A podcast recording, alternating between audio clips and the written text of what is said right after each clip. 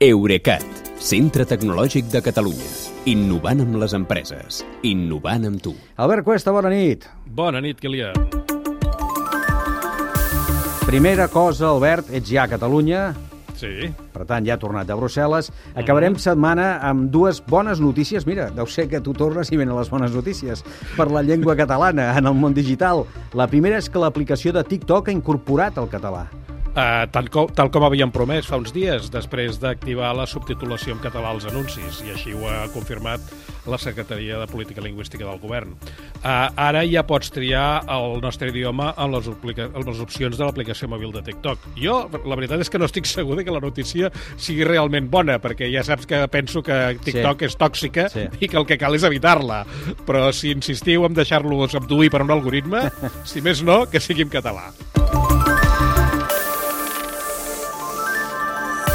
Sí, l'abducció en català fa una mica menys de mal. Eh, La segona bona notícia la podem escoltar i tot, mira. Gireu a la dreta. Dirigiu-vos cap a l'oest, d'aquí a 150 metres. Gireu lleugerament a la dreta. Molt bé. Les instruccions de navegació pas a pas del Google Maps que ja es poden escoltar en català. I ja tocava. Uh, des d'avui, els usuaris de Google Maps, tant en mòbils Android com en iPhones, ja poden triar, o podem triar com a idioma de les instruccions de guiatge parlades, el català, que fins ara no hi era. Uh, T'he de dir que aquest canvi l'expliquem, uh, un canvi molt esperat, però l'hem d'explicar amb prudència. Amb prudència? Perquè, sí, perquè Google formalment no l'ha comunicat. I, de fet, a la sucursal de Google a Madrid se n'han assabentat quan els hem trucat nosaltres per confirmar-ho. Ai, Sí, eh, i, per, i, veure, I per poder triar el català l'has de tenir configurat com a idioma principal del telèfon, a diferència del que passa amb els altres idiomes, que aquests sí que surten en una llista. Ja. Per tant, per tant, podria ser només un experiment i que fins i tot se'ls hagi escapat de les mans, perquè avui alguns usuaris castellanoparlants d'altres llocs de l'Estat explicaven a Twitter que amb ells els havien aparegut missatges en català en altres serveis de Google. Uh, el que està clar és que Google està remenant uh, coses perquè en favor del català o buscant coses del català perquè sabem que tenim un problema greu amb el posicionament dels resultats web, de les Cert, cerques. cert. Eh? Llavors em toques una cosa i se n'espatlla una altra perquè Google és, Google és, una, és una bèstia molt complicada. Uh, jo uh, em limito a creuar els dits perquè el canvi sigui definitiu i no sóc l'únic perquè uh, l'acollida de molts usuaris al tuit uh, amb què l'Aliança per la Presència Digital que explicava aquesta novetat ha sigut realment entusiasta. I és que el català a Maps era molt esperat, tot i Molt. que hi havia algunes altres aplicacions de navegació GPS amb veu en català, eh? Sí, fins i tot una d'elles és propietat de Google, és aquesta que es diu Waze. Waze, sí, sí. sí. I, i d'altres, com el Petal Maps dels mòbils més recents de Huawei sense serveis de Google. A la web de Softcatalà eh, trobareu una llista amb altres opcions, com per exemple TomTom Tom, Tom Go, no, perdona, TomTom Amigo i Osmand.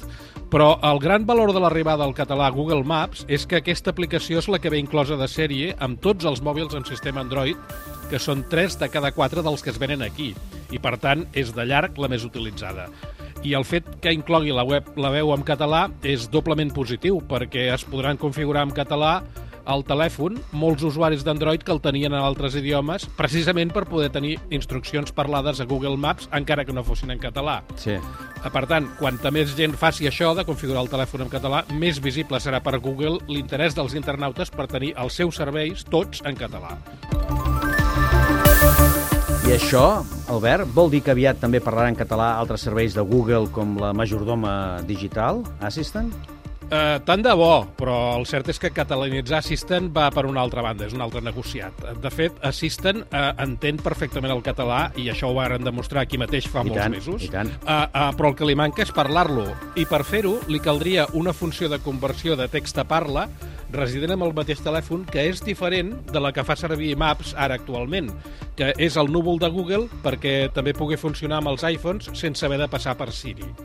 Uh, sigui com sigui, insisteixo, per empreses per, com Google, la importància del català no depèn tant de que es facin campanyes de reclamació molt enfadades a Twitter, com de que els seus servidors detectin molts dispositius configurats en, totalment en català. I ara eh, ja s'ha acabat aquella excusa de que Google Maps no té veu en català per no fer-ho. Per tant, ja sabeu, posem-nos les piles tots plegats perquè aquesta és l'esquerda per la qual podem aconseguir que el català vagi fent forat. Mai millor dit. Eh, per cert, eh, cap on hem d'anar? Gireu a la dreta. Sí. Dirigiu-vos cap a l'oest. Ja. D'aquí a 150 metres. Gireu lleugerament a Molt la bé, dreta. doncs anirem fent això. Eh, gràcies. Per, per, per molt sintètica que estigui aquesta veu, eh, jo la, la veritat és que és molt benvinguda. No, sí, sí, és emocionant i tot. que vagi Sí, bé, sí. bon cap de setmana. Adéu. Igualment, Kilian, fins dilluns. Gireu lleugerament a la dreta. Dirigiu-vos cap a l'oest. Eurecat, centre tecnològic de Catalunya. Innovant amb les empreses. Innovant amb tu.